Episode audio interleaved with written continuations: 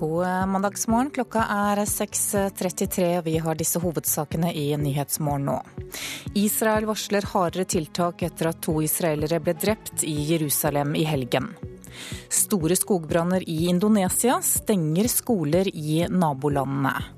Og Portugals statsminister Pedro Coelho sier han er klar til å danne regjering etter valget. Først skal vi høre at eh, Israel har skutt to raketter mot Gazastripen, og det skjer etter at det ble skutt to raketter mot Israel fra Gaza i går. Statsminister Benjamin Netanyahu sier at Israel kjemper for livet mot palestinsk terror. I en tale i går kveld varslet han nye og hardere tiltak etter at to israelere ble drept i Jerusalem på lørdag.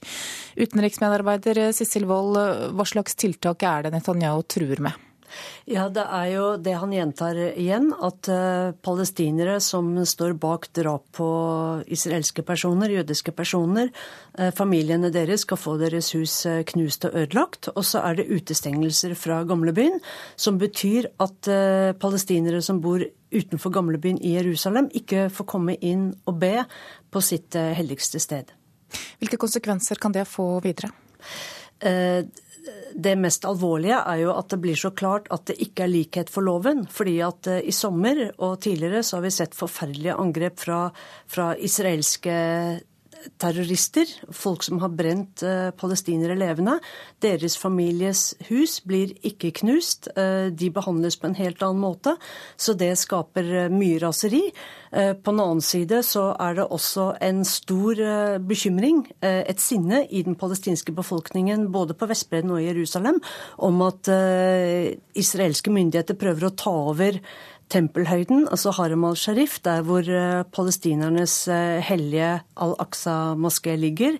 Eh, den tredje helligste plassen for muslimer over hele verden. Dette er en konflikt som har pågått veldig lenge. Det har kokt under overflaten veldig lenge, så nå kommer dette til overflaten igjen. Ja, for det har altså vært eh, både drap og, og uro i, i, helgen. Hva er årsaken til at det bobler opp akkurat nå? Jeg tror eh, talen til Netanyahu i FN og også Mahmoud Abbas det er så tydelig at det er overhodet ingen bevegelse i den såkalte fredsprosessen. Den har vært død veldig lenge. Og samtidig så er det et voldsomt press mot palestinerne i Øst-Jerusalem. De har problemer med å få bygge hus. Eh, de har veldig mye restriksjoner. Og det eneste som skjer, er at det bygges mer og mer ut i bosettingene. Så situasjonen ligner litt på situasjonen før Gaza-krigen, og også før den første intifadaen. Takk skal du ha, utenriksmedarbeider Sissel Wold. Her hjemme skal offentlige etater bli raskere til å sjekke om utenlandske ID-papirer er ekte. I forrige uke kom det over 1500 nye asylsøkere til Norge, og nå åpner ID-ekspertene i politiet registrene slik at flere offentlige etater kan finne ut om papirene de får er ekte. Det skriver Politiforum.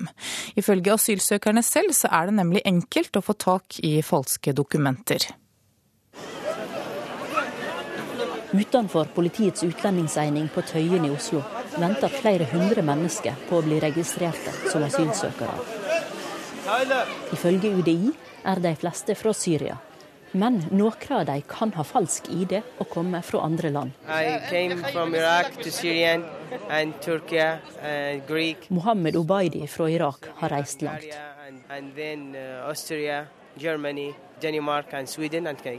På veien har han møtt flere som selger syriske papir for rundt 1000 dollar.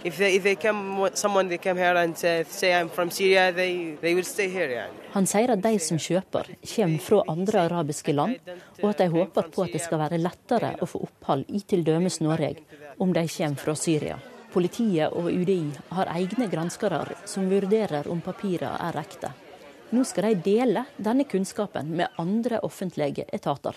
Den akutte flyktningsituasjonen har selvfølgelig fremskynda dette. Sier Per Haddal, dokumentgransker i Nasjonalt ID-senter. Nå ønsker vi også å knytte organisasjoner som NOKUT, Statens vegvesen, tollvesenet, skattemyndighetene til basen. I basen deres kan en slå opp detaljert informasjon om hvordan ID-papir fra ulike land ser ut, og hvordan en kan kontrollere papirene.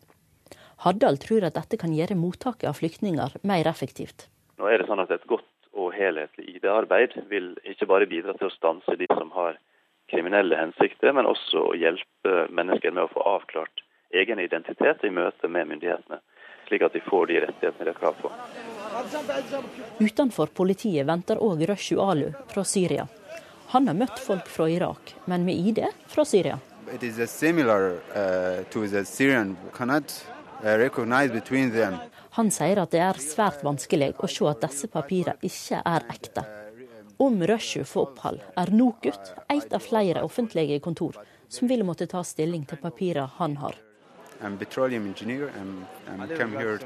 For Rushu håper på å få godkjent utdanninga si som oljeingeniør.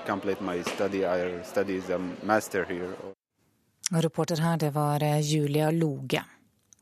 Myndighetene i Tyskland anslår at det i år kan komme opp til 1,5 millioner asylsøkere til landet. Det skriver avisen Bilt, som siterer en intern prognose fra myndighetene.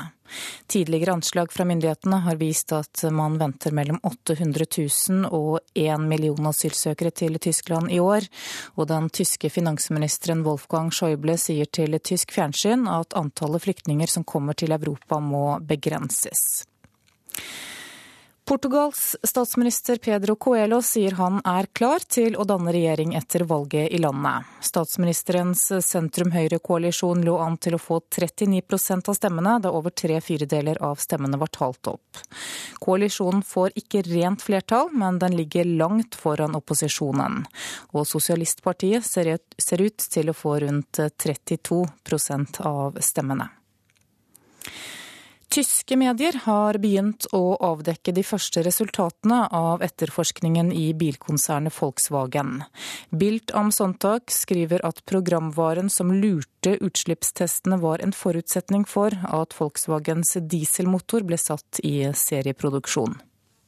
Ifølge Bilt am Sonntag har flere Volkswagen-ingeniører forklart at programvaren som lurte utslippstestene ble installert i 2008. På dette tidspunktet skulle en nyutviklet dieselmotor, EA189, settes i serieproduksjon. Manipulasjonssoftwaren ble brukt fordi dieselmotoren ikke hadde bestått utslippskravene, og fordi utviklingskostnadene for motoren allerede hadde løpt siden 2005. Uten programvaren som justerte utslippsverdiene, hadde konsernet vært nødt til å stanse det viktige dieselmotorprosjektet, ifølge Biltams håndtak. Kontrollører i den statlige materialrevisjonen BAM er ifølge avisa fremdeles usikre på hvem som beordret å installere dataprogrammet som skulle lure utslippstestene. Volkswagens egen konsernrevisjon skal ha avdekket at flere ingeniører anklager en navngitt tidligere utviklingsdirektør, som skal ha kjent til svindelen, og som skal ha vært oppdragsgiver for den. Volkswagen-konsernet ville søndag ikke kommentere utslippsskandalen, ifølge Tagesschau på ARD. Det sa reporter Harald Berre. Da skal vi se hva avisene har på forsidene sine i dag. Boforholdene på mange asylmottak er så dårlige at de kan gi helseproblemer. Det skriver Dagsavisen. Forsker Åshild Lappegard Hauge sier at det er en kultur i samfunnet vårt for å akseptere lav standard på disse mottakene. Vårt Land skriver at det går mot utmeldingsrekord av Den norske kirke. Hittil i år har over 11 000 personer meldt seg ut, og det er det høyeste tallet siden abortstriden i 1978. Aftenposten skriver at eh, Siv Jensen kan bli den første finansministeren som ikke setter friske penger inn i oljefondet. Om to dager legger Jensen frem statsbudsjettet for neste år. Og ifølge Dagbladet så har Arbeiderpartiet og KrF oppskriften på hvordan Norge skal komme seg ut av den negative utviklingen som en følge av nedgangen i oljeprisen. Overskriften er 'Slik skal de få Norge ut av jobbkrisa'. Klassekampen skriver om norske toppøkonomers oppskrift for å minske ulikhetene her i landet. Flere av dem mener at en gjeninnføring av arveavgift og økt formuesskatt kan være måten å redusere forskjellene på. Laksefest, det er overskriften i Dagens Næringsliv i dag. Norsk laks setter stadig nye rekorder, godt hjulpet av en svak krone. Bergens Tidende har bilde av jublende Brann-spillere på sin forside i dag. Brann er for første gang i år på direkte opprykksplass til Eliteserien. Sauebønder fortviler over kutt i ullstøtte, det skriver Nasjonen. Landbruksdirektoratet mener kvaliteten på norsk ull må bli bedre, og vil derfor fjerne tilskuddet til den dårligste ulla. Men ikke alle er enige i den strategien. Stein Erik Hagen snakker ut i VG i dag, ifølge avisens forside. Temaet er bl.a. hvilke typer han blir sjarmert av, hetsen og at han sa til kona at han likte menn. Skal handle om Brann, også i sporten her i Nyhetsmorgen. Brann styrer også mot opprykk til Eliteserien, men Brann-spillerne tar ikke av og ber bergenserne om å roe seg. For jobben, den er nemlig ikke gjort.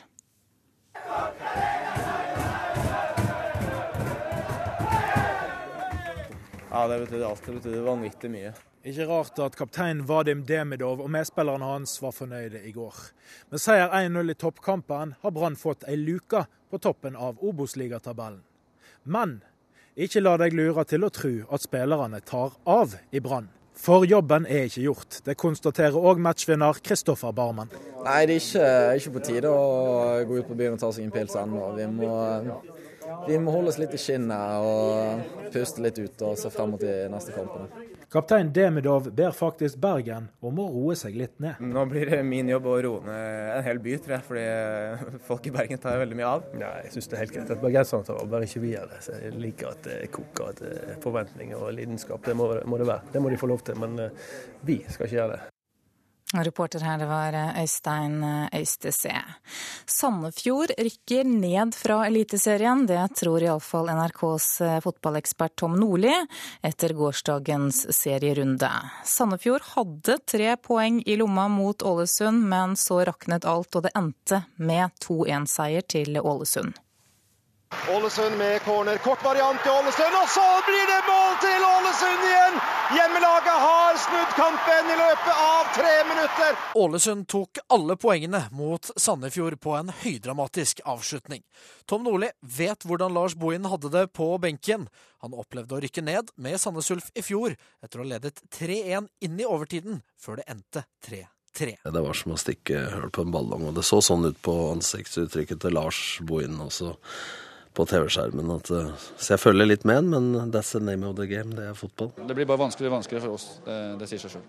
Det sier Lars Bohin. Hele gruppa jobber bra med å holde humøret oppe, og vi vet at vi er nødt til å fullføre sesongen med stil. Uh, uten å resignere, uten å gi opp. Det kommer vi ikke til å gjøre heller. Vi kommer til å jobbe for hver meter og for hver, uh, hver duell. Både Mjøndalen, Tromsø, Start og Sandefjord tapte.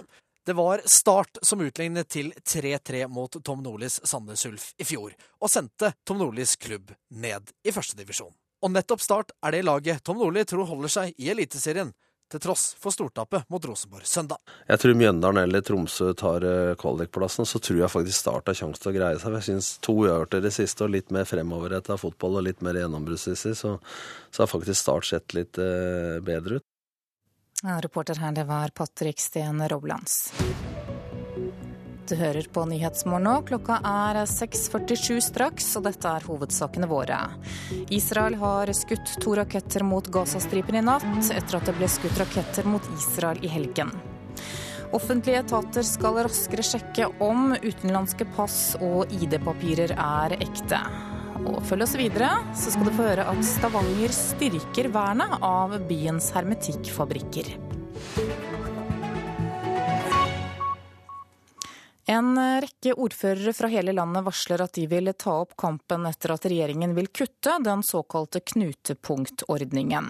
I mange år så har en rekke utvalgte festivaler fått 100 millioner kroner direkte støtte via statsbudsjettet, men etter det NRK erfarer, så vil nesten alle festivalene til komme til å miste denne støtten. I Elverum så føler Høyre-ordfører Erik Hanstad seg glemt av sin egen regjering. Nei, Det jeg syns eh, er eh, litt rart, det er at eh, Jan Tore Sanner var jo her og åpna Festspillene i høst. Da var det tre store festivaler som ble nevnt. Det var Bergen, det var i Harstad, altså Nord-Norge, og det var i Elverum. Så her har jeg en følelse av at noe er glemt, og det er, det er Elverum. For Elverum-ordfører Erik Hanstad var det ingen god nyhet at regjeringen nå vil kutte den såkalte knutepunktordningen. Etter det NRK erfarer, skal kun Festspillene i Bergen og Festspillene i Nord-Norge fortsatt motta støtte gjennom statsbudsjettet. Det betyr at Festspillene i Elverum og 13 andre knutepunktfestivaler må kjempe om støtte via Kulturrådet, sammen med resten av Festival-Norge. For det er klart, at vi er knutepunktfestival har vært forutsigbarheten som vi har hatt å forholde oss til. Ordningen har vært sterkt kritisert for å favorittisere enkelte festivaler, men samtidig hyllet for å legge til rette for en nødvendig forutsigbarhet for de utvalgte festivalene. For oss er det viktig at vi fortsatt har knutepunktstatus, og det vil vi, vil vi, jobbe for. NRK har snakket med alle de politiske lederne på stedene som kan miste knutepunktinstitusjonene. Et klart flertall sier de reagerer svært negativt på regjeringens forslag, og vil jobbe for å forhindre at festivalene kan miste den forutsigbarheten støtten gir dem, bl.a. ved å bruke alle sine kontakter på Stortinget. Rita Ottervik er ordfører i Trondheim for Arbeiderpartiet. Hun forteller at de nå står klare for å kjempe for Olavsfestdagene. Vi er i gang eh, tverrpolitisk med å uh, jobbe uh, for å få satt dagsorden for knutepunktfestivaler og Olavsfestdagene. Vi ser ut til å samle veldig bred politisk støtte i Trondheim. Men ikke alle er negative til regjeringens forslag. I Oslo avholdes tre av de nåværende knutepunktfestivalene. Blant dem er Øyafestivalen. Likevel er byrådsleder for Høyre, Stian Berger Røsland, svært glad for at knutepunktordningen nå forsvinner. Jeg syns eh, knutepunktfestivalordningen har vært eh, en av de snodigste støtteordningene på statsbudsjettet, og det sier ikke rent lite. Byrådslederen mener støtten bør bestemmes av fagfolk og ikke av politikere. Men også slik at kommunene, som Oslo kommune, kan bidra med forutsigbarhet. F.eks. For å gi eh, tillatelser til, til, bruk av arealer, gi skjenkebevillinger og den type tillatelser for en lengre periode enn ett år. Det bidrar også til forutsigbarhet for festivalarrangørene. Og reportere her, det var Torunn Myhre, Jarl Nymo og Marie Røsland. I Malaysia så blir landets skoleelever nå bedt om å holde seg innendørs i dag og i morgen. Myndighetene har stengt alle skolene etter at luftforurensningen har nådd ekstreme nivåer. Lufta er rett og slett helsefarlig å puste i og har vært det i flere uker nå. og Også Singapore er nå innhyllet i tjukk forurensning. AC-korrespondent Peter Svår, hva er årsaken? Det som skaper dette i år, og som har gjort det tidligere i år, er indonesiske småbønder og store plantasjer som brenner ned skogen som en snarvei til rask og dyrkbar jord, i stor grad for å etablere nye palmeoljeplantasjer på eh, øyer som Sumatra, som ikke ligger veldig langt unna Malaysia og Singapore. Dette er jo en praksis som er ulovlig, den er likevel veldig utbredt. Eh, man setter fyr på skogen, og ofte så kommer disse brannene ut av kontroll, slik de også har gjort i år. Det er eh, veldig store skogområder det er snakk om, for øvrig de samme områdene hvor Norge har store regnskogprosjekter på gang for nettopp å forsøke å stanse avskogingen. Men disse brannene skaper så mye forurensning at de altså også siver over til til Malaysia og Singapore. I år er det spesielt ille. Og I Malaysia sier myndighetene de ikke har noe annet valg nå enn å stenge skolene. Eh, de har også kansellert et maraton med 30 000 deltakere pga. disse ekstreme forurensningsmengdene som kommer nå. Blir dette nå også et politisk stridsspørsmål? Det har det for så vidt vært i mange år allerede, men årets eh, skogbrenning har skapt spesielt mye smog. Og dette er jo rett og slett eh, livsfarlig for folk. Det kan føre til eh, hjerte- og lungesykdommer. Så både innbyggere i Singapore og Malaysia er ganske opprørt over dette og mener at Indonesia er uansvarlige. Singapores utenriksminister sier Indonesia er hensynsløse overfor hans innbyggere, men også overfor sin egen indonesiske befolkning, som jo også blir rammet av denne helseskadelige forurensningen. Så dette er eh, nå et tema som forsurer forholdet mellom Malaysia, Indonesia og Singapore. Hva svarer indonesiske myndigheter, da? President Joko Widodo har gitt et intervju hvor han sier at det vil ta tre år før man vil se resultatene av hans regjerings innsats mot disse illegale skogbrannene. Han sier at de allerede har sendt 3700 soldater, 8000 politifolk, fire brannfly til skogområdene for å slukke branner og også for å etterforske brannene og arrestere de skyldige. Men Indonesia har jo også tidligere påpekt at mange av selskapene som setter fyr på skogen, har eiere nettopp fra Singapore og Malaysia. Det er mye av profitten fra disse illegale brannene som havner i nabolandene. og Slik sett så øh, mener enkelte i Indonesia at også Singapore og Malaysia da må se i seg selv og, og, og de som eier disse selskapene. Takk skal du ha, Asia-korrespondent Peter Svaar. Stavanger styrker vernet av byens hermetikkfabrikker, og det skjer etter påtrykk fra Riksantikvaren. Flere enn 50 fabrikker er revet, og nå skal det lages en plan for vern av de 23 som står igjen. Samtidig åpner en ny utstilling som forteller om en av de viktigste pionerene i norsk hermetikkhistorie. Her bruker vi disse gamle eksportkassene fra industrien. Og så lager vi ei tidslinje over livet hans.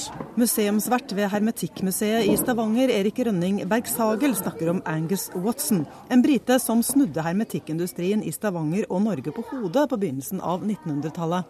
Vi hadde klart å selge i ja, greie mengder, og det var en fire-fem fabrikker i Stavanger rundt århundreskiftet. Men når Watson kom inn fra 1906 og opp mot første verdenskrig, da går salget fra eh, et par tusen tonn i året og opp til 1915 med eh, over 50 000 tonn i året. Men det er òg rekorden, den er ikke slått etterpå. Men det er ikke bare historiene som bør tas vare på. Også de fysiske kulturminnene, altså bygningene, må vernes, mener Riksantikvaren, som har bedt Stavanger om å stanse rivingen av fabrikker, fordi byen har et nasjonalt ansvar som såkalt hermetikkhovedstad i Norge. Stavanger er i dag sardinbyen, og som en skog står fabrikkpipene innover og forteller om tiltak og framsyn. På 20-tallet var det nærmere 70 hermetikkfabrikker i Stavanger, men 52 er blitt revet. Og i forrige uke fikk byantikvar Hanne Winsholt klarsignal fra byens politikere til å lage en plan for vern av fabrikkene som er igjen. Vi legger noen føringer for fremtidig bruk av eh, bygningene. og Det vil jo også si at de som nå eier de, må belage seg på å bruke de som de står, eller transformere de, men i alle fall ikke rive de. Det gir identitet til et helt eh, byområde. Og Det at vi får denne planen nå, det er utrolig viktig. Sier Erik Rønning Bergsagel ved Norsk Hermetikkmuseum, en av fabrikkbygningene som er bevart. Her er det full fyr, nå skal jeg hive på litt. Og her skal det ikke bare røykes brisling framover, nå skal historien om Angus Watson altså fram i lyset. Han uh, hadde lært seg markedsføring med å selge Sunlight-såpe i USA brukte reklame veldig aktivt. Han var en av de første som virkelig forsto eh, verdien i reklame. Altså. Watson kjøpte opp sardiner i Stavanger og eksporterte fisken til firmaet sitt i England. Under varemerket Skippers ble norsk brisling solgt på verdensmarkedet. Her er det noe å lære av en type som Angus Watson, mener Rønning Bergshager. Blant annet det å stå på og ha tro på seg sjøl. Stå på det en tror på. Men òg så må en akseptere hjelp noen ganger, for en er ikke god på alt. Ja, reporter her, det var Anette Johansen Espeland. Da skal vi se på et eh, værvarsel som gjelder til midnatt. Fjellet i Sør-Norge kan vente seg sørøstlig bris. Fra i ettermiddag liten kuling utsatte steder i Langfjella. Stort sett oppholdsvær og lange perioder med sol i vest og nord. Østafjells østlig bris. Fra i ettermiddag liten kuling på kysten vest for Lindesnes. Stort sett opphold og perioder med sol, men utover dagen for det meste skyet vest for Oslo og Mjøsa. Fra i ettermiddag er det ventet litt spredt regn i Agder og Telemark, og lokal tåke først på dagen. Vestlandet sør for Stad østlig eller skiftende bris. Frisk bris utsatte steder fra i ettermiddag. Kuling utsatte steder i Rogaland. Først på dagen noe lokal tåke, ellers pent vær, men noe tilskyende sør i Rogaland. Møre og Romsdal og Trøndelag østlig bris. Økende til frisk bris utsatte steder. I kveld liten kuling i Trøndelag. Først på dagen noe lokal tåke, ellers pent vær. Nordland skiftende bris, fra i ettermiddag østlig frisk bris utsatte steder i sør. I kveld periodevis stiv kuling. Pent vær først i sør. Troms må belage seg på nordlig bris. I nord liten kuling utsatte steder. Enkelte sluddbyger, vesentlig i nord, og snø over 100-300 meter. Fra i ettermiddag skiftende bris og delvis skyet oppholdsvær. Finnmark nordlig stiv kuling utsatte steder. I ettermiddag minkende til nordvestlig frisk bris. Først i vest. Regnbyger og sluddbyger, men stort sett opphold på vidda. Og på Nordensjøland på Spitsbergen er det ventet østlig bris i dag og lettskyet oppholdsvær. Så tar vi med noen temperaturer som ble målt klokka fem. Da hadde Svalbard lufthavn minus seks grader, Kirkenes én, Vardø fire, Alta og Tromsø hadde begge to. Bodø og Brønnøysund fire, Trondheim én, Molde sju. Bergen seks, Stavanger åtte, Kristiansand fem, Gardermoen fire, Lillehammer sju, Røros to, og på Oslo-Blindern så var det ti plussgrader klokka fem i morges.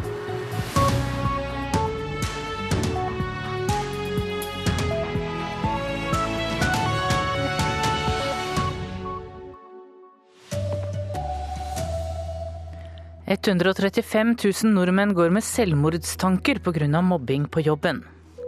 Og Den norske kirke opplever medlemsflukt om dagen. Her er NRK Dagsnytt klokka sju ved Tone Nordahl. Folk som blir mobbet på jobben har dobbelt så stor risiko for å utvikle selvmordstanker som andre arbeidstakere. Det viser en ny norsk studie. Nesten 135 000 nordmenn har selvmordstanker fordi de blir mobbet på arbeidsplassen. Det sier professor Morten Birkeland Nilsen ved Universitetet i Bergen. Det overrasker meg egentlig ikke. Altså, vi som har jobbet med denne problematikken i mange år og snakket med mange som har vært utsatt for mobbing, så er det det er egentlig veldig rimelig at disse personene faktisk kan gå så langt at de vurderer og tenker på å ta sitt eget liv. Mobbing er et veldig alvorlig problem for de som opplever seg som utsatt. Og at man må kunne utvikle tiltak og handlingsplaner mot mobbing på arbeidsplassen. Israel har skutt to raketter mot Gazastripen. Angrepet skal være en respons på to raketter som ble sendt mot Israel fra Gaza i går. Ifølge avisen Haaretz sier det israelske forsvaret at rakettene ble skutt mot militære installasjoner som tilhører Hamas. I helgen har det vært en rekke sammenstøt mellom palestinere og israelske soldater på Vestbredden og i Øst-Jerusalem. Opprørsgruppen Den islamske staten har sprengt i stykker triumfbuen i den syriske oldtidsbyen Palmyra. Dermed er enda et viktig monument eh, trolig jevnet med jorden. Triumfbyen i Palmyra er et hovedmonument i den 2000 år gamle romerske byen. Rekordmange melder seg nå ut av Den norske kirke. En ny app som gjør det enklere å ta farvel med kirken, er eh, blant årsakene. Ta bilde av et signert utmeldingsskjema, send det til riktig instans, og vips, du er ikke lenger medlem i Den norske kirke. En stor andel av de som melder seg ut, har brukt appen utmelding.no, sier Kirkerådet til Vårt Land. Og det ligger an til rekordmange utmeldinger i år. I 1978, da abortstriden var på sitt heftigste, meldte 11 755 seg ut av kirka, skriver avisa. Hittil i år er tallet over 11 000. Også kirkevalget har mobilisert mange, tror Kirkerådet. Der kunne medlemmene stemme på kandidater som enten er for eller mot å la homofile få gifte seg i kirka. Reporter var Irina Kjelle. Byrådet i Oslo ber Utdanningsdirektoratet si nei til etableringen av en muslimsk grunnskole i bydelen Grønland. Byrådet mener en slik skole vil kunne få negative konsekvenser for integreringen, skriver Aftenposten. Det er stiftelsen Den muslimske grunnskole som har søkt om å få starte en barne- og ungdomsskole.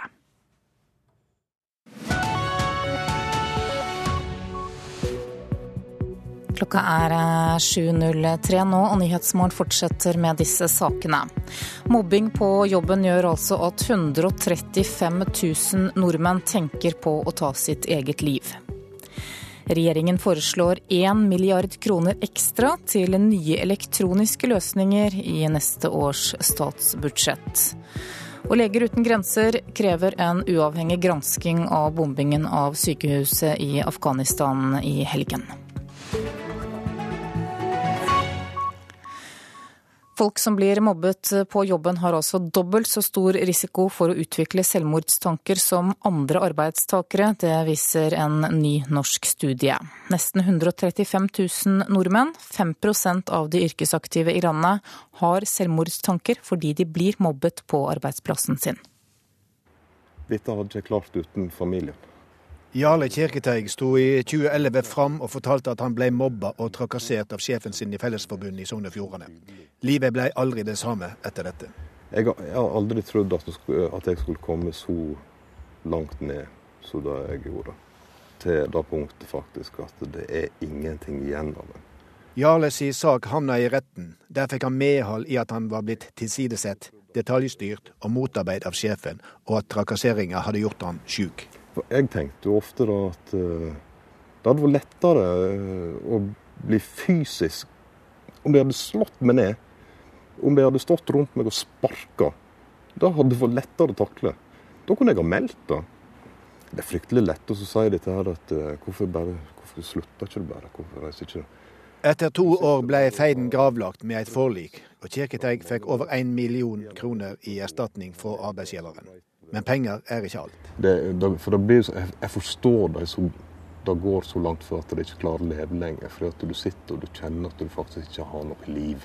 Så mange som 135 000 nordmenn går rundt med selvmordstanker etter mobbing på arbeidsplassen, viser en ny norsk studie. Det overrasker meg egentlig ikke. Altså, vi som har jobbet med denne problematikken i mange år og snakket med mange som har vært utsatt for mobbing, så er det det er egentlig veldig rimelig at disse personene faktisk kan gå så langt at de vurderer og tenker på å ta sitt eget liv. Morten Birkeland Nilsen er professor ved Psykologisk fakultet på Universitetet i Bergen og forsker ved Statens arbeidsmiljøinstitutt. Ved det første så viser det at mobbing er et veldig alvorlig problem for de som opplever seg som utsatt.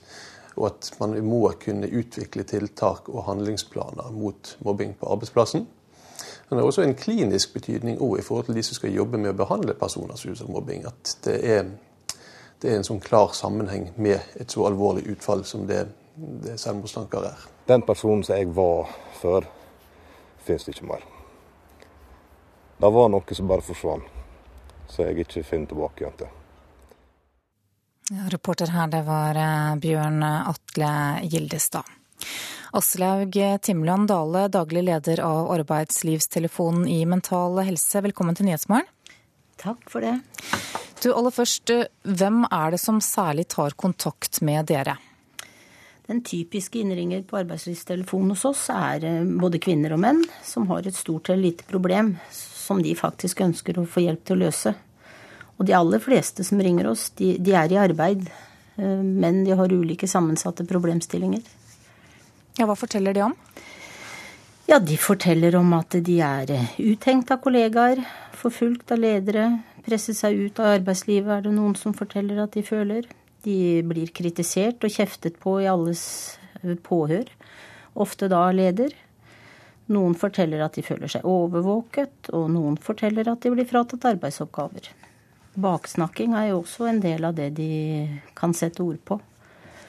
Så sånn samla sett så er det vel en opplevelse av oversett, forbigått, tilsidesatt, og at de ikke får, som arbeidsmiljøloven krever, en god dialog eh, i forhold til å ha en reell innflytelse på egen arbeidssted. Så det er den opplevelsen som vi hørte i historien her føre nå, en opplevelse av, av mektighet og uten handlekraft, rett og slett. Jeg går det an å si litt om hvor grensen går da, mellom det å ha konflikter på arbeidsplassen sin og det å bli mobbet? Eh, du kan si det Det er jo som eh, arbeidsmiljøloven faktisk sier noe om, da, den gjentatte krenkelsen over tid. Eh, som går over på mobbing. Og det er jo faktisk den som blir utsatt for dette, som har definisjonsmakta om når dette her oppleves som mobbing. Ikke den som tenker at den er morsom i andres påhør på vegne av en kollega. Hvem er det som mobber, da?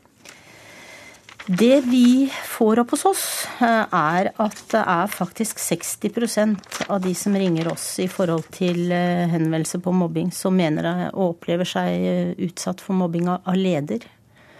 32% oppgir kollegaer som det å ha et ugreit forhold til. Og så går det på arbeidssituasjonen. Det å bli fratatt arbeidsoppgaver. Særlig da etter at en kanskje har vært borte fra jobb en periode i forhold til sykemelding eller permisjoner. Men også i arbeidshverdagen for enkelte.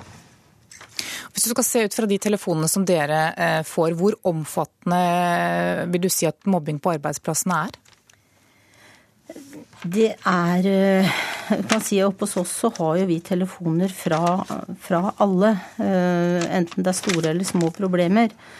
Så å si et snitt i forhold til arbeidslivet generelt er nok vanskelig for oss. Men det vi kan si, er at de som ringer oss i forhold til dette, er 55% av henvendelsene våre.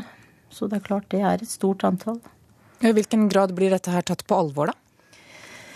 Eh, ja, vi, vi, kan nok ikke si noe om hvordan det oppleves. Det vi kan si, er jo at de som ringer oss, øh, opplever at det ikke blir tatt på alvor. For de, de, som opplever en arbeidsplass hvor det er rutiner for å ta tak i den type ting, har nok ikke behov for å ringe en telefontjeneste som oss. Men det er klart når vi, våre henvendelser tilsier at vi har 55% som har et eh, utfordrende forhold på arbeidsplassen sin, så, så er det jo et stort problem for veldig mange mennesker. Aslaug Timland Dale, takk for at du var med her i Nyhetsmorgen. Så kommer det meldinger akkurat nå om at Telenor vil helt ut av det russiske mobilselskapet VimpelCom og planlegger nå salg av sin eierandel på 33% Det er selskapet selv som varsler dette i en pressemelding, og vi kommer tilbake til dette her når vi vet noe mer. Nå skal vi høre at søknad om foreldrepermisjon skal snart kunne ordnes elektronisk hjemmefra, og det samme skal søknad om startlån fra Husbanken. Regjeringen vil nemlig modernisere det offentlige, og plusser på 1 milliard kroner til nye elektroniske løsninger i forslaget til statsbudsjettet for neste år. Det geniale med eh, digitaliseringsprosjekter er at det er en vinn-vinn-situasjon. Sier kommunal- og moderniseringsminister Jan Tore Sanner. Det blir enklere for folk flest når vi kan sitte hjemme på kjøkkenbenken og eh, søke etter startlån, eller hjemme på kjøkkenbenken og bestille apotekvarer på, på nett. Og det er store gevinster for næringslivet, men det bidrar også til en mer effektiv og døgnåpen offentlig forvaltning. Regjeringens forslag til statsbudsjett legges fram onsdag, og først da blir alle detaljer kjent.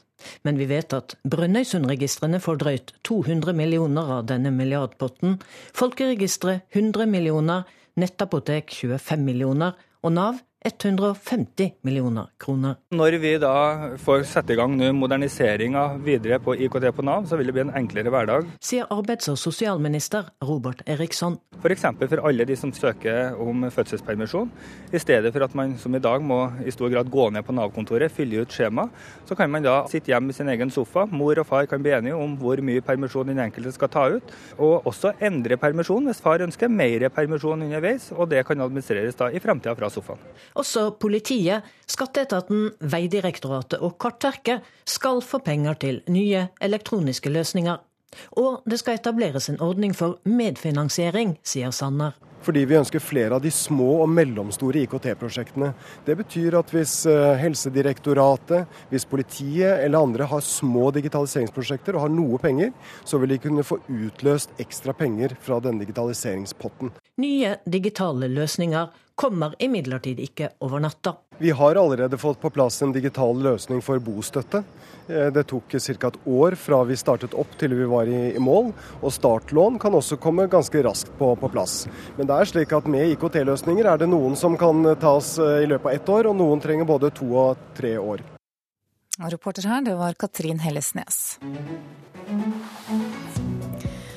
Tolv minutter over sju har klokka blitt. Dette er hovedsakene våre nå.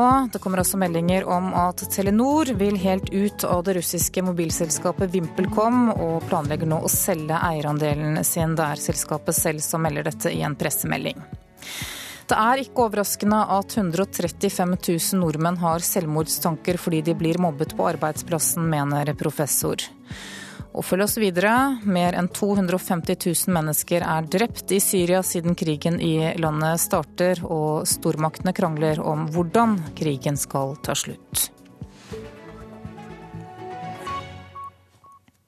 Leger uten grenser krever en uavhengig gransking av bombingen av sykehuset i Kundus i Afghanistan natt til lørdag.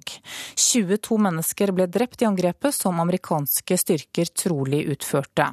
USAs forsvarsdepartement har satt i gang en intern granskning, og sier at de i løpet av et par dager vil ha svar på hva det var som egentlig skjedde.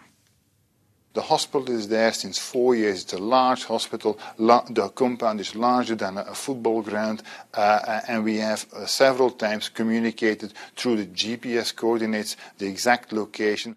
Sykehuset var like stort som en fotballbane, og vi har flere ganger gitt alle parter i konflikten i Afghanistan koordinatene til det, sier prosjektdirektør Bart Jansens i Leger uten grenser til Reuters. Organisasjonen mener det som skjedde i Kondos natt til lørdag, var en krigsforbrytelse, og krever en full, uavhengig internasjonal granskning.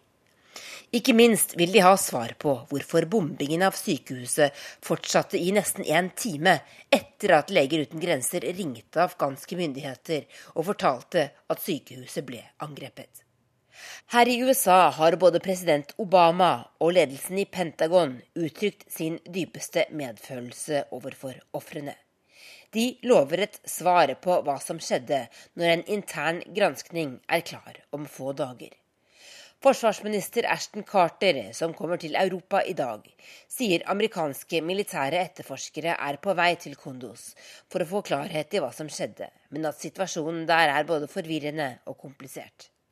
Han sier også at USA vil sørge for medisinsk hjelp til de som er rammet i Kunduz. Her i landet er spørsmålene mange. Selv om bare 1% av de sivile som er blitt drept i krigen i Afghanistan siden 2009, er drept i amerikanske angrep, har det vært mange feilbombinger. Enda mer urovekkende er det situasjonen i Kunduz-provinsen i Afghanistan er et av mange eksempler på. USA har brukt enorme summer på å trene opp afghanske sikkerhetsstyrker der. Men disse klarte ikke å stå imot da Taliban tok kontroll over Kondos i forrige uke. Det samme har skjedd i Anbar-provinsen i Irak, der kostbare amerikanske treningsprogram har mislykkes totalt, skriver The New York Times. Leger uten grenser trekker seg nå ut av Kondos, der de drev det eneste sykehuset som hjalp folk på alle sider av konflikten. Tove Bjørgaas, Washington. Vi skal videre til eh, Syria nå, der flere enn 250 000 mennesker altså er drept siden krigen i landet startet. Mellom 11 og 12 millioner mennesker er på flukt, og imens dette skjer, krangler stormakter som Russland, USA og Storbritannia om hvordan krigen skal ta slutt. Storbritannias statsminister David Cameron kaller landets president Assad for en slakter, mens Assad selv mener Vesten har mislyktes i Syria. Syria. Og Midtøsten-korrespondent Sigurd Falkenberg Mikkelsen, det kan virke som om dette stormaktsspillet om Syria blir mer komplisert. Hvem sitter med nøkkelen til en løsning? Det er ingen alene som kan løse dette nå. og Det foruroligende her er at det ikke har vært noen egentlig politisk bevegelse siden denne konflikten begynte, trass de sivile lidelsene. Det betyr at alliansene ligger fast, ingen er villig til å gi seg. Russland og Iran holder regimet oppe, mens regionale stormakter som Tyrkia og Saudi-Arabia støtter opprørerne i håp om at de skal lykkes med å fjerne Assad militært, med Vesten enten som en stilltiende ja, Er eh, Assad styrket nå, da, etter at Russland har involvert seg sterkere militært? Ja, vi skal se om vi kommer tilbake til Sigurd Falkenberg Mikkelsen. Vi går videre til korrespondent Kristin Solberg i Istanbul. Hvordan reagerer nabolandet Tyrkia på det som skjer i Syria nå? Tyrkia reagerer sterkt på det. Russlands bombing, bombing, i Syria motvirker Tyrkias egne mål i nabolandet. De støttet jo, som eh, min kollega var inne på her, de støtter opprørerne og krever at Assad går av. de ser med lite blide øyne på det som skjer nå. Erdogan sa i går at det er helt uakseptabelt for Tyrkia, og at Russland gjør et grovt feiltrinn som kan isolere dem i denne regionen. Og også mediene her er svært kritiske. Det er mye snakk om at Russland kommer til å bli sittende fast i en hengemyr i Syria, og det er også fokus på de sivile tapene etter Russlands bombeangrep. Og Tyrkia bruker også mye ressurser på krigen mot PKK. Hva slags konsekvenser får dette for landets kamp mot terrorgruppen IS? Ja, det stemmer. Og til dels så kampen mot PKK kommet i forgrunnen. Det er valg her i Tyrkia om bare noen uker, og Erdogan mener nok at han har mer å tjene på å fremheve kampen mot PKK enn den mot IS. Og på en måte så motvirker den ene kampen den andre. PKK kjemper mot IS i både Syria og Irak. De er allierte også med andre kurdiske militser. Og de kurdiske styrkene har vi sett at er noen av de mest effektive bakkestyrkene i kampen mot IS både i Irak og Syria. Så dermed, ved å slå ned på PKK, så vil du indirekte styrke IS.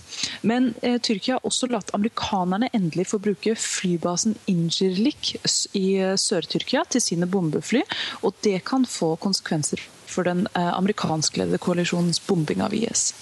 Kristin Solberg, du blir med oss litt videre, men nå har vi fått eh, tak i Sigurd Falkenberg eh, Mikkelsen igjen. Vi var inne på dette med dette stormaktspillet, og jeg spurte om Assad nå er styrket etter at Russland har involvert seg sterkere militært? Ja, det er han eh, absolutt. Og Russlands intervensjon endrer jo bildet radikalt. Russland tar med seg en helt annen profesjonalitet inn i denne krigen og et helt annet utstyr. Eh, og Hvis de koordinerer seg også med bakkestyrkene, så kan man godt tenke seg at de klarer å ta tilbake noe terreng, og kanskje heller ikke miste så mye mer. Men de færreste her i Midtøsten tror at dette er nok til å vinne hele krigen militært, eller at Assad kan gjenvinne herredømme over hele landet. Til det er motstanden mot ham for sterk, og de har rett og slett for få soldater. Går det an å si litt om, om opposisjonen i Syria? da? Fins det en politisk opposisjon som et alternativ til Assad? Det er et uh, godt spørsmål, uh, og det har vært spørsmålet egentlig helt fra begynnelsen av. Uh, det, finnes fortsatt, det finnes fortsatt en eksilopposisjon, men de har ikke så mye de skal ha sagt inne i Syria. Så det som er Spørsmålet er om det kan vokse fram et mer skikkelig alternativ ut av dette. Det er fortsatt mye aktivitet, selv om ikke vi snakker så mye om det. Men så langt så er det de militære enhetene som bestemmer. Og Du har jo selv vært i Syria flere ganger. Hva har gjort sterkest inntrykk på deg? Jeg tror det er eh, nivået på ødeleggelsene. altså Hvor mye og hvor store områder som er helt utbombet og folketomme. Vi snakker om eh, forsteder til Damaskus hvor det bodde hundretusenvis av mennesker. Store deler av millionbyen Homs. Eh, og også landsbygda. Dette ser vi ikke så ofte på, på nyhetene, men det er altså store deler av landsbygda som er ødelagt. Og Mye av dette er jo eh, regimet som selv står bak. og Dette er en helt nådeløs krig. Eh, og Når man sier at folk flykter fra et ødelagt land, så er det helt bokstavelig. Det er millioner av mennesker her som har ingenting å vende hjem til. Ja, videre til deg, Kristin Solberg i Istanbul. Hvordan takler nabolandet Tyrkia strømmen av mennesker som flykter? Her i Tyrkia så er det to millioner syriske flyktninger. Det er mer enn noe annet land. Og det er også en regning som Tyrkia i stor grad eh, selv betaler. Og eh, eh, Så mange mennesker ville vært mye for noe land å håndtere. Eh, men Tyrkia er ikke bare det landet som, der flest flyktninger kommer til. Eh, for tiden så er det også det landet som flest flyktninger forlater for å ta turen over Middelhavet til Europa. Eh, og I dag så er president Erdogan i Strasbourg for å møte EU-ledere for å diskutere hva Tyrkia kan gjøre for å stanse noen av disse menneskene. Men det kommer nok til å bli en nokså vanskelig oppgave, for her er det mange som ønsker å, å dra. Ja, hva sier uh, tyrkerne du snakker med om, om det som skjer? Tyrkerne er delt. Altså, tyrker, det er mange tyrkere som føler at har en stor grad av sympati for, eh, for menneskene som kommer eh, til, eh, til, som flykter fra krigen i Syria. Her blir de også ikke kalt flyktninger, de blir også kalt gjester. Men det er klart, en gjest skal jo også vende hjem, og det har ikke syriske flyktninger mulighet til å gjøre. og Nå har de vært her i, i mange år. og Vi må huske på at mange av de stedene de kommer til i Tyrkia, det er ikke velstående lokalsamfunn lokalsamfunn i utgangspunktet. Slik at en del av de som bor i disse lokalsamfunnene føler at syrerne kommer, presser opp boligpriser, tar jobber. Um, slik at det har blitt en økende grad av spenning uh, mellom, eller misnøye med at det er såpass mange syrere her. Takk skal dere ha, korrespondent Kristin Solberg og korrespondent Sigurd Falkenberg Mikkelsen. Da skal vi se hva avisene her hjemme er opptatt av i dag. Boforholdene på mange asylmottak er så dårlige at de kan gi helseproblemer. Det skriver Dagsavisen. Forsker Åshild Lappegård Hauge sier at det er en kultur i samfunnet vårt for å akseptere en lav standard på disse mottakene. Vårt Land skriver at det går mot utmeldingsrekord av Den norske kirke. Hittil i år har over 11 000 personer meldt seg ut, og det er det høyeste tallet siden abortstriden i 1978. Aftenposten skriver at Siv Jensen kan bli den første finansministeren som ikke setter friske penger inn i oljefondet. Om to dager legger Jensen frem statsbudsjettet for neste år. Og ifølge Dagbladet så har Arbeiderpartiet og KrF oppskriften på hvordan Norge skal komme seg ut av den negative utviklingen som en følge av nedgangen i oljeprisen. Overskriften er 'Slik skal de få Norge ut av jobbkrisa'. Klassekampen skriver om norske toppøkonomers oppskrift for å minske ulikhetene her i landet. Flere mener at gjeninnføring av arveavgift og økt formuesskatt kan være måter å redusere forskjellene på. Laksefest, det er overskriften i Dagens Næringsliv. Norsk laks setter stadig nye rekorder, godt hjulpet av en svak krone. Bergens Tidende har bilde av to jublende Brann-spillere på sin forside i dag. Brann er for første gang i år på direkte opprykksplass til Eliteserien.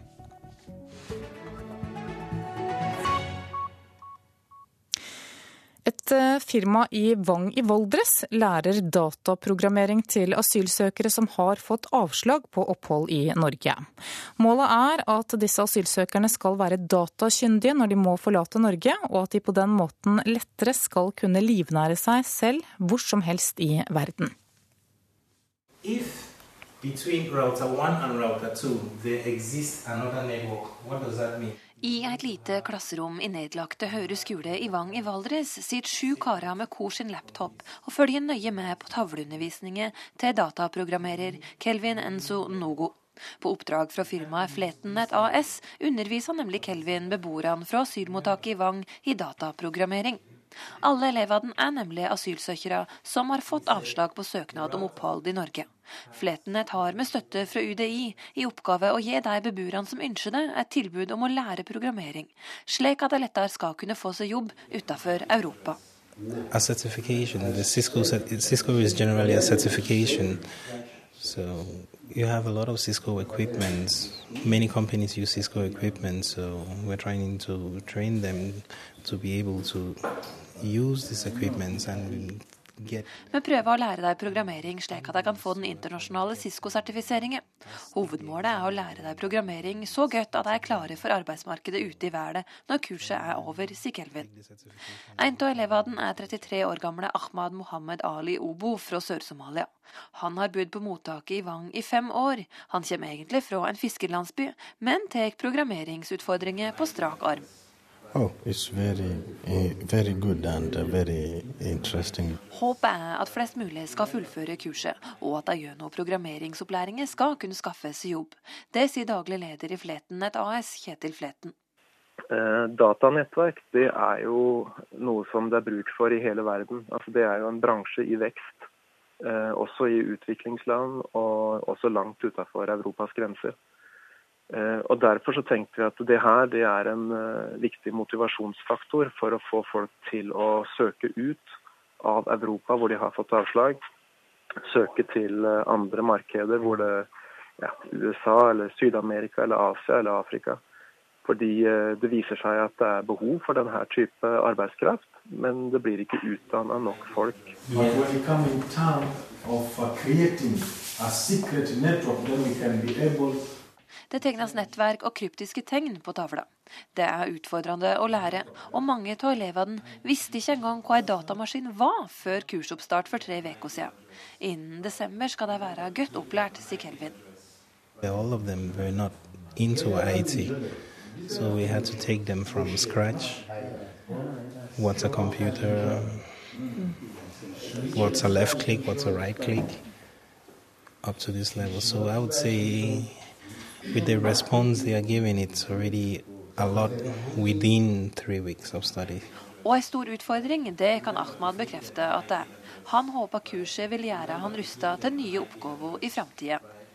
Yeah, it is a huge challenge. There is a rules, and that's why they're teaching us. That's why we are here today in the class, so for be able for us to know what we are doing, so it can help in the future to have a new role to play. Ja, reporter her, det var Sigrid Havig Berge. Du lytter til Nyhetsmorgen nå. Klokka nærmer seg 7.30 og Dagsnytt. I Politisk kvarter klokka 7.45 så skal det handle om eh, Syria bl.a. Det blir også debatt om bosetting av flyktninger. Hva er egentlig den beste oppskriften? Er det f.eks. nødvendig å tvinge kommunene til å bosette? Produsent for Nyhetsmorgen i dag heter Arild Svalbjørg. Her i studio Anne Jetlund Hansen. Og dersom du har tips eller kommentarer, send oss gjerne en e-post. Adressen er 03030 krøllalfa nrk.no.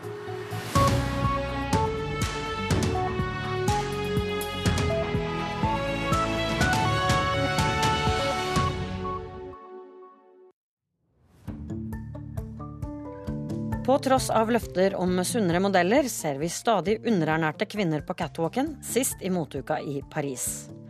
Hvorfor virker det som en umulig oppgave å endre den sykelig tynne trenden, spør vi i Kulturhuset i dag klokken 13.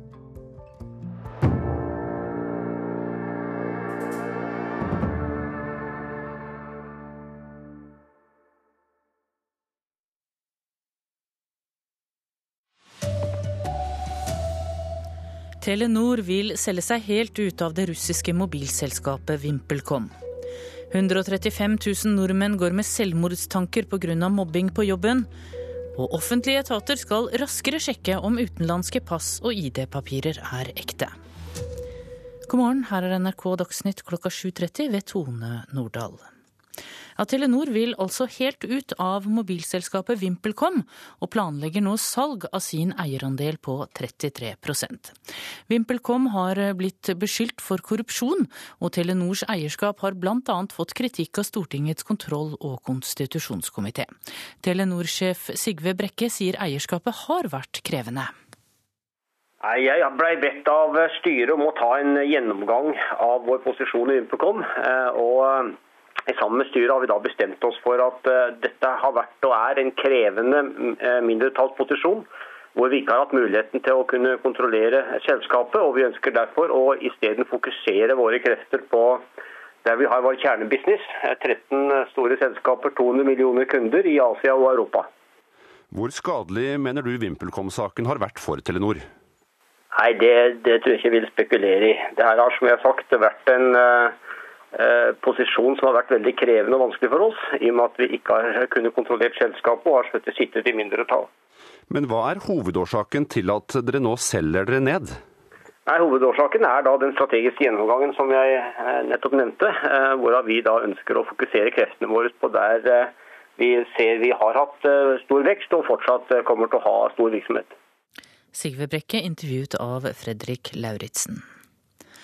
Folk som blir mobbet på jobben har dobbelt så stor risiko for å utvikle selvmordstanker som andre arbeidstakere. Det viser en ny norsk studie. Nesten 135 000 nordmenn har selvmordstanker fordi de blir mobbet på jobb. Dette hadde jeg klart uten familien. Jarle Kirketeig sto i 2011 fram og fortalte at han ble mobba og trakassert av sjefen sin i Fellesforbundet i Sogn og Fjordane. Livet ble aldri det samme etter dette. Jeg har aldri trodd at jeg skulle komme så langt ned som det jeg gjorde. Til det punktet faktisk at det er ingenting igjen av det. Så mange som 135 000 nordmenn går rundt med selvmordstanker etter mobbing på arbeidsplassen, viser en ny norsk studie. Det overrasker meg egentlig ikke. Altså, vi som har jobbet med denne problematikken i mange år og snakket med mange som har vært utsatt for mobbing, så er det det er egentlig veldig rimelig at disse personene faktisk kan gå så langt at de vurderer og tenker på å ta sitt eget liv. Morten Birkeland Nilsen er professor ved Psykologisk fakultet på Universitetet i Bergen og forsker ved Statens arbeidsmiljøinstitutt. For det første så viser det at mobbing er et veldig alvorlig problem for de som opplever seg som utsatt. Og at man må kunne utvikle tiltak og handlingsplaner mot mobbing på arbeidsplassen. Jarles i sak havna i retten. Der fikk han medhold i at han var blitt tilsidesett, detaljstyrt og motarbeid av sjefen, og at trakasseringa hadde gjort han sjuk. Jeg tenkte jo ofte da at uh, det hadde vært lettere uh, å bli fysisk om de hadde slått meg ned. Om de hadde stått rundt meg og sparka. Det hadde vært lettere å takle. Reporter her var Bjørn Atle Gildestad. Offentlige etater skal raskere kunne sjekke om utenlandske ID-papirer er ekte. Nå åpner nemlig ID-ekspertene i politiet sine registre, slik at flere etater kan finne ut om papirene de får er ekte, skriver Politiforum. Ifølge asylsøkere selv er det lett å få kjøpt falske dokumenter. Utenfor politiets utlendingseining på Tøyen i Oslo venter flere hundre mennesker på å bli registrerte som asylsøkere. Ifølge UDI er de fleste fra Syria. Men noen av dem kan ha falsk ID og komme fra andre land. Mohammed Obaidi fra Irak har reist langt.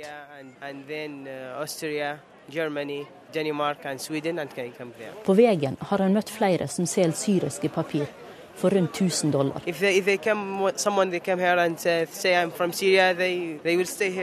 Han sier at de som kjøper, kommer fra andre arabiske land, og at de håper på at det skal være lettere å få opphold i t.d. Norge om de kommer fra Syria. Politiet og UDI har egne granskere som vurderer om papirene er ekte. Nå skal de dele denne kunnskapen med andre offentlige etater. Den akutte flyktningsituasjonen har selvfølgelig fremskynda dette. Sier Per Haddal, dokumentgransker i Nasjonalt ID-senter. Nå ønsker vi også å knytte organisasjoner som NOKUT, Statens vegvesen, tollvesenet, skattemyndighetene til basen. I basen deres kan en slå opp detaljert informasjon om hvordan ID-papir fra ulike land ser ut, og hvordan en kan kontrollere papirene. Haddal tror at dette kan gjøre mottaket av flyktninger mer effektivt. Nå er det sånn at Et godt helhetlig ID-arbeid vil ikke bare bidra til å stanse de som har kriminelle hensikter, men også å hjelpe mennesker med å få avklart egen identitet i møte med myndighetene, slik at de får de rettighetene de har krav på. Og I forrige uke kom det over 1500 nye asylsøkere til Norge. Reporter her var Julia Loge. Israel har skutt to raketter mot Gazastripen som svar på at det ble skutt to raketter mot Israel fra Gaza i går. Israelske aviser spør nå om en tredje intifada er på vei, etter en helg med voldsomme sammenstøt mellom israelske soldater og palestinere på Vestbredden. Også i Jerusalem har situasjonen vært spent i flere måneder, og utenriksmedarbeider Sissel Wold, hvorfor skjer dette nå? Dette er resultatet av en eh, langvarig palestinsk frustrasjon, særlig i Jerusalem, som nå kommer til overflaten.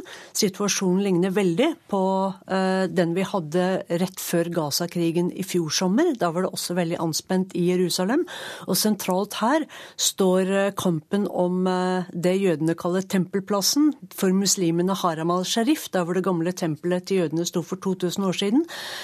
fordi mange jødiske grupper presser på for å få gjenopp gjenoppbygget sitt tempel. Det er et stort press blant jødiske grupper om å få be der oppe, mens palestinerne ser at deres et helligste sted, dette er muslimenes tredje helligste sted etter Mekka Medina, at de nektes adgang, veldig mange menn nektes adgang til å be der. Så de tror palestinerne at eh, israelerne er i ferd med å planlegge en overtakelse. Og dette er eh, en av grunnene til at gnisten kommer nå til overflaten. Hvilke konsekvenser kan det få at situasjonen er så spent nå? På Vestbredden så har israelsk og palestinsk etterretning hatt et sikkerhetssamarbeid i flere år. Eh, dette er for å trygge israelerne, og det er Hamas dette går utover. Det kan nå ryke, og det vil være alvorlig for begge parter. Takk, Sissel Wold. Regjeringen foreslår 1 milliard kroner ekstra til nye elektroniske løsninger i neste års statsbudsjett. Flere institusjoner skal moderniseres, sier kommunalminister Jan Tore Sanner. Husbanken kan digitalisere sine løsninger. Startlån f.eks. betyr at folk kan sitte hjemme på kjøkkenbenken og søke digitalt på, på startlån. Det vil frigjøre 40 000 arbeidstimer i, i kommunene. Vinn-vinn-situasjon. Håndtering av resepter og medisin skal også bli enklere. Og I tillegg vil det også nå komme nettapotek, hvor folk kan uh, få sine resepter på bestille det på nett. Regjeringens forslag til statsbudsjett legges fram onsdag, og først da blir alle detaljer kjent. Men vi vet at Brønnøysundregistrene får drøyt 200 millioner av denne milliardpotten, Folkeregisteret 100 millioner, nettapotek 25 millioner og Nav 150 millioner kroner. Når vi da får sette i gang moderniseringa videre på IKT på Nav, så vil det bli en enklere hverdag. Sier arbeids- og sosialminister Robert Eriksson. F.eks. For, for alle de som søker om fødselspermisjon. I stedet for at man som i dag må i stor grad gå ned på Nav-kontoret, fylle ut skjema, så kan man da sitte hjemme i sin egen sofa. Mor og far kan bli enige om hvor mye permisjon den enkelte skal ta ut. Og også endre permisjon hvis far ønsker mer permisjon underveis, og det kan administreres da i fremtida fra sofaen. Reporter i dette innslaget var Katrin Hellesnes. Så fotball. Brann styrer nå mot opprykk til Eliteserien, men Brann-spillerne tar ikke av, og sier nå at bergenserne bør roe seg. Jobben er ikke gjort ennå, nemlig.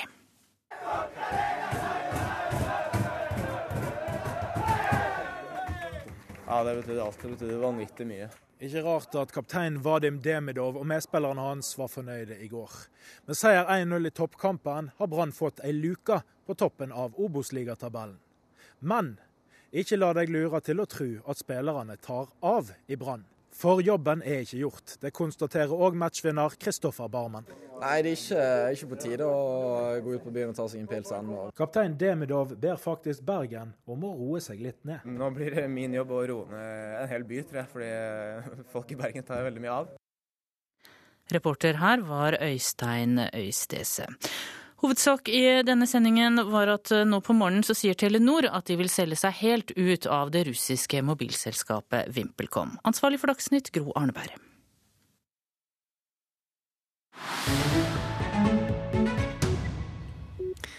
Klokka er 7.40 eh, nå, og i Nyhetsmorgen skal vi til det vestafrikanske landet Ghana. For der har fenomenet Anas skremt vannet av landets makthavere. Han er nemlig gravejournalisten med maske som ingen vet hvordan ser ut, og han beskrives som journalistikkens James Bond, forteller korrespondent Sverre Tom Radøy. Flyktig og farlig, grundig og grusom i sine avsløringer, alltid på de svakeste side. En James Bond, ja vel, men han opptrer mer som Fantomet.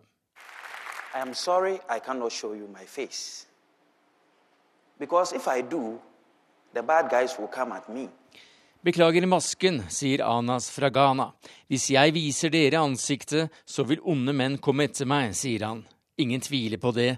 Han har politifolk, kinesiske sexslavehandlere, politikere, heksedoktorer, matindustrien, barnemordere og dommere etter seg, for å nevne noen. Men han beundres i Ghanas gater, og i alle fall i ett hvitt hus. Like Anas, who, who Barack Obama sto fram som en av Anas mange fan da presidenten besøkte Ghana for tre år siden.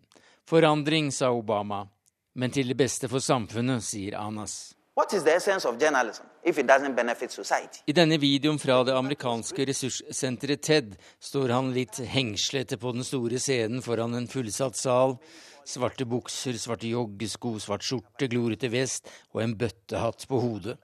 Fra bøttehatten henger det røde og hvite ledninger ned. Ansiktet må skjules.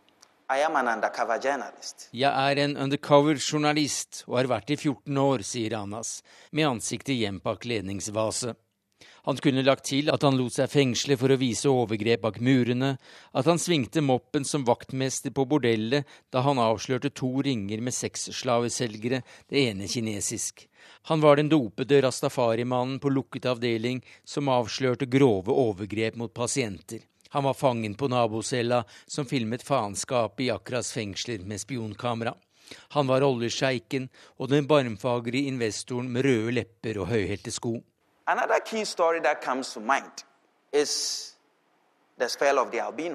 Troen på albinokroppenes trolldomskraft har tragiske konsekvenser, forteller Anas. Their bodies are chopped off with machetes. Lemmene hogges av, kroppsdelene selges og brukes til trolldomsdrikker. It was time to go undercover again. For the first time, I filmed on hidden camera the guys who do this. Anas fikk laget en hvit kunstig arm og møtte oppkjøperne. De trodde det var ekte vare, rett i fengsel. My journalism is hinged on three basic principles naming, shaming, and jailing. Min journalistikk er basert på tre grunnleggende prinsipper, sier Anas. Å bevise, å plassere skammen og få skurkene fengslet. Journalistikk handler om resultater, sier mannen bak masken, og han lykkes. Mange sitter bak lås og slå pga. FBI, som han også kalles. Den siste dokumentaren hadde premiere denne uka. Det tok to år å lage Ghana in the Eyes of God, der dommere tas med buksene nede. Og det publikum får se, skal være dommere som mottar penger og sex i bytte mot lavere straffer. Publikum både hånlo og ble fortvilet over landets betrodde menn i parykker. Anas sendte bevismateriale mot 34 kappekledde over til presidenten. Anas er en gåte, ifølge BBC. Det du får vite fra Wikipedia om barndommen, er lite. Han vokste opp i en militærforlegning. Punktum. Men ikke finale. For dette slutter ikke, sier Anas. Dette er kampen mellom det gode og det onde. Det sa Afrikakorrespondent Sverre Tom Radøy. 7.44 har klokka blitt nå. Du hører på Nyhetsmorgen, og dette er hovedsakene våre. Telenor vil helt ut av det russiske mobilselskapet VimpelCom og planlegger nå å selge eierandelen sin. 135 000 nordmenn går med selvmordstanker fordi de blir mobbet på jobben. Og Leger uten grenser krever en uavhengig gransking av bombingen av sykehuset i Kunduz i Afghanistan i helgen. Klokka nærmer seg 7.45, og du skal straks få Politisk kvarter ved Bjørn Myklebust.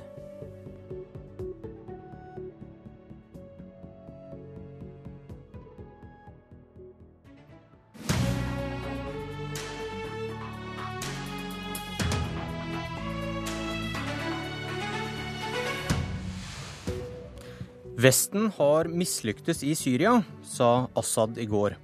Har han rett?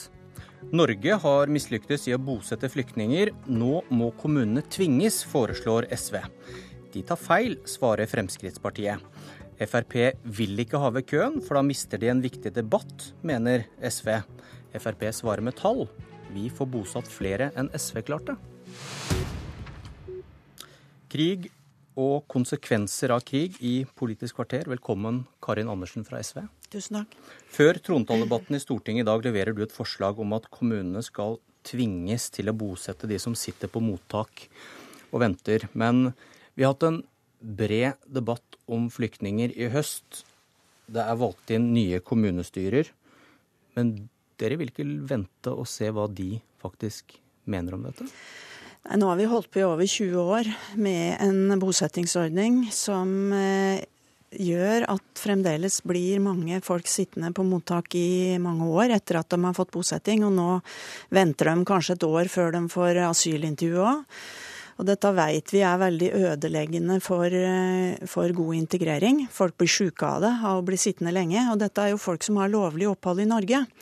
Og da mener vi at dette er en permanent løpende oppgave som alle kommuner bør forberede seg på, bygge opp kompetanse på.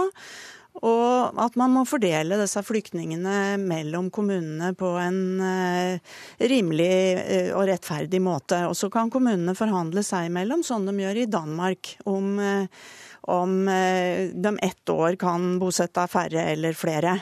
Det gjør at man får komme i gang med integreringsarbeidet med plikter og rettigheter mye tidligere enn det vi gjør til nå. Og det ja, Dessverre ser verden ut sånn at det kommer til å komme mange flyktninger de nærmeste åra. Mange. Og da er vi nødt til å få på plass en ordning som gjør at integreringen eh, blir bedre enn det den gjør nå. Så dette er å tenke nytt når vi ser at det systemet vi i dag har, ikke fyller behovet. Og vi sendte jo dette forslaget på høring når vi satt i regjering, så det er jo ikke et nytt forslag.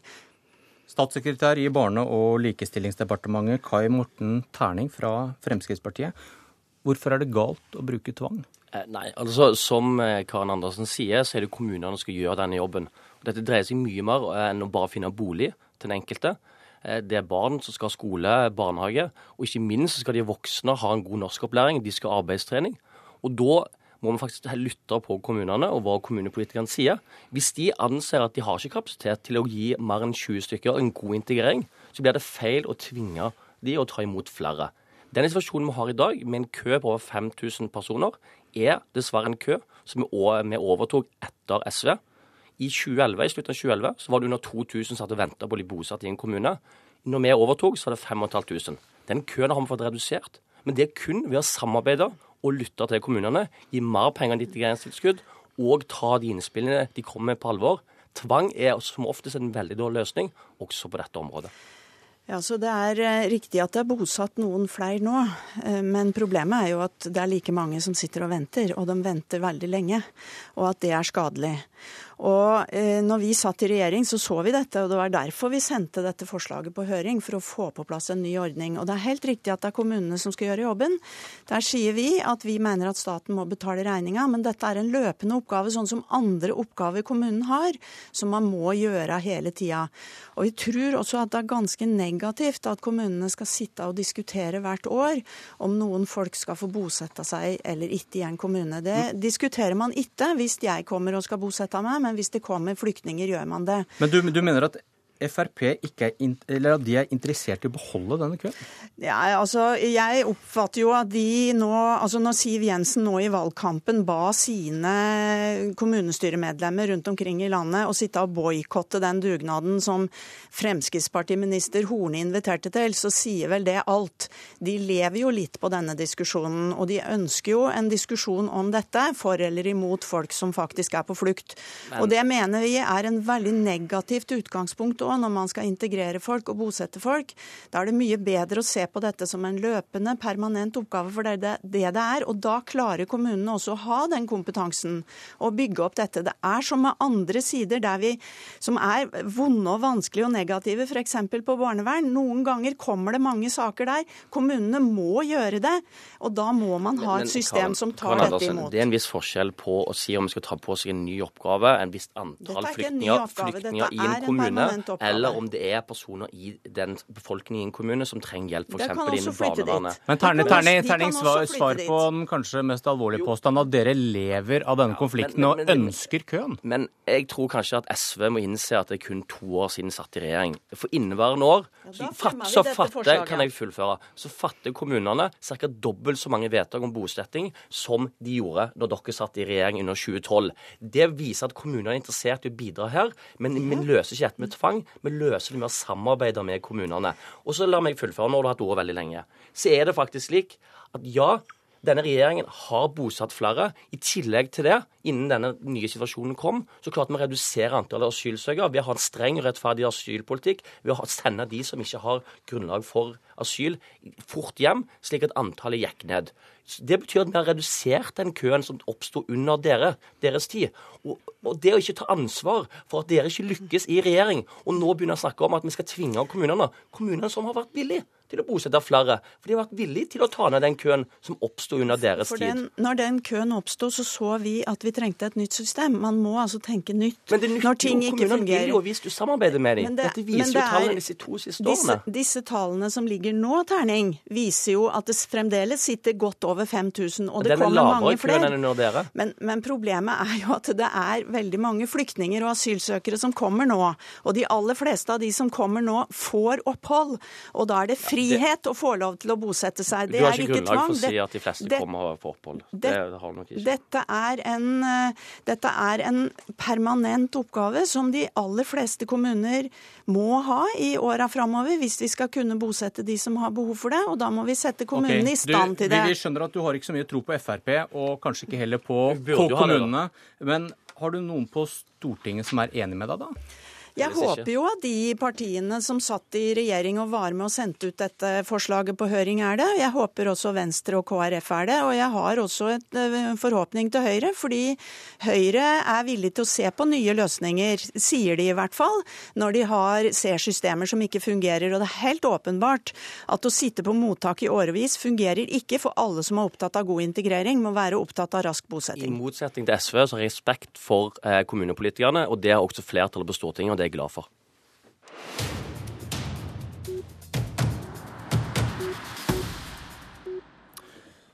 Så til en av grunnene til at forrige debatt kanskje ikke forsvinner.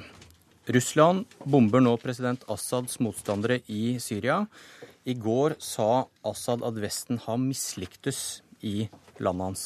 Christian Tybring-Gjedde, Fremskrittspartiets utenrikspolitiske talsmann. Er du enig med Assad? Ja, det må jeg si at det er. Eh, det er iallfall ingen grunn til å si at det er en suksess. Nå har eh, vestlige makter, og særlig USA, da, bombet i et helt år. Eh, det er ingenting som tyder på at IS er svekket i særlig grad. Ingen andre opprørsgrupper er svekket heller, hvis det hadde vært målet. Så man kan ikke si at man har lykkes. Og så ser man også på andre deler i samme område hvor man har fjernet diktatorer, både Gaddafi og Saddam Hussein. Og det som har vært kommet etter, har ikke vært eh, særlig lystig. Det har heller ført til enorme flyktningstrømmer. Så eh, man har ikke en klar strategi. Man vet ikke hvordan man skal løse en konflikt. og Derfor er det riktig å si det. Eh, trekke den konklusjonen. Og i forlengelsen av det, er det da bra at Russland går inn nå og støtter Assad? Ikke nødvendigvis å støtte Assad, men at man trenger flere krefter fra flere hold til å, til å ødelegge nazibevegelsen Islamske stat. Eh, det syns jeg er eh, veldig positivt. Og jeg tror ikke man skal uh, komme i gamle feller at man mener at alle andre enn Vesten er sine fiender. Her er det, her er det muligheter for å bli kvitt en tyranner. Og Hvis vi kan få hjelp av Russland til å gjøre det, så mener jeg det er positivt. Jeg sier ikke nødvendigvis at det er det eneste motivet til Putin, men allikevel så er det bra at flere krefter brukes nå for å, styre, for å ødelegge den islamske stat. Er ikke motivet hans viktig? motivet så lenge han gjør det som, eh, som, er ønskelig, nemlig å knuse IS, er det det aller viktigste. Og det er helt sikkert uh, viktig også at hvis, styrter, hvis han styrter Assad nå, så vil det ikke bli noe ro og fred og demokrati i Syria. Så må man tenke litt lengre perspektiver og ikke være så kortsiktig som Vesten har vært en tendens til å gjøre de siste årene. Svein Roald Hansen, medlem av utenrikskomiteen for Arbeiderpartiet. Har Vesten mislyktes i Syria, som Assad og Tybring-Edda hevder? Altså, så lenge man ikke har fått slutt på krigen etter fem år, så kan man jo ikke si at man har lykkes. Eh, det er noe, noe, noe helt sikkert. Men det som man trenger i, i Syria, det er jo en, en, politisk rammeverk som man jobber innenfor. Nå uh, har man bare den militære uh, aktiviteten som, som styrer begivenhetene. og det er helt nødvendig at USA, EU og Russland kan eh, bli enige om å lage en politisk rammeverk rundt det som nå skjer.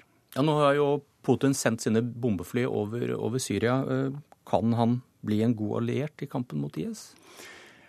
Vi så når det gjaldt avtalen med Iran, eh, at USA og Russland og EU var i stand til å arbeide sammen fram til en avtale om atomsituasjonen, eller atomutviklingen, atomvåpenutviklingen i, i, Iran.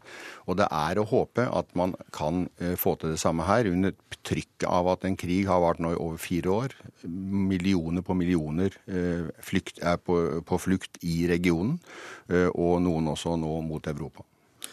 Erna Solberg, Obama, Nato, alle vil fjerne Assad, men det syns ikke du er noen god idé, Tybring-Gjedde? Ikke sånn umiddelbart. Det, før man fjerner diktator, så bør man ha en plan om hva som skal eh, være komme etterpå. Eh, det er ingen tvil om at Assad er en banditt, han også. Men det er mange av bandittene der nede som man har først forsøkt og har også fjernet. Og det har ført til det motsatte av det man hadde håpet på. Og man kan ikke tvinge noen land til å innføre demokrati i et, sted, i et land som er basert på eh, religiøse grupperinger, etniske eh, grupperinger, sekteriske grupperinger. Så klarer du ikke å tvinge dem til å få et demokrati slik vi forstår det. Og da må man tenke helt annerledes. Jeg tror ikke Assad er en del av den langsiktige løsningen, men han er en del av den kortsiktige løsningen. Og derfor det å styrte Assad og tro at det blir noe bedre, det tror jeg er helt feil. Og så Man skal være mindre kategorisk, og jeg syns vestlige ledere generelt i den senere tid har vært altfor kategorisk til å, eh, til å, tro at de vet hva løsningen er. Jeg tror faktisk ikke at det er veldig mange som vet hva løsningen er. Derfor må man tenke, være litt mindre kategorisk.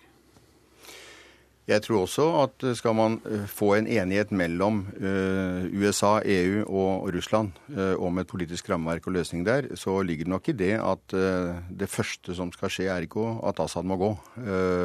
Og erfaringen fra invasjonen i Irak det var jo at det var greit å fjerne Saddam Hussein. Det gikk greit, men man utraderte også hele styringsstrukturen.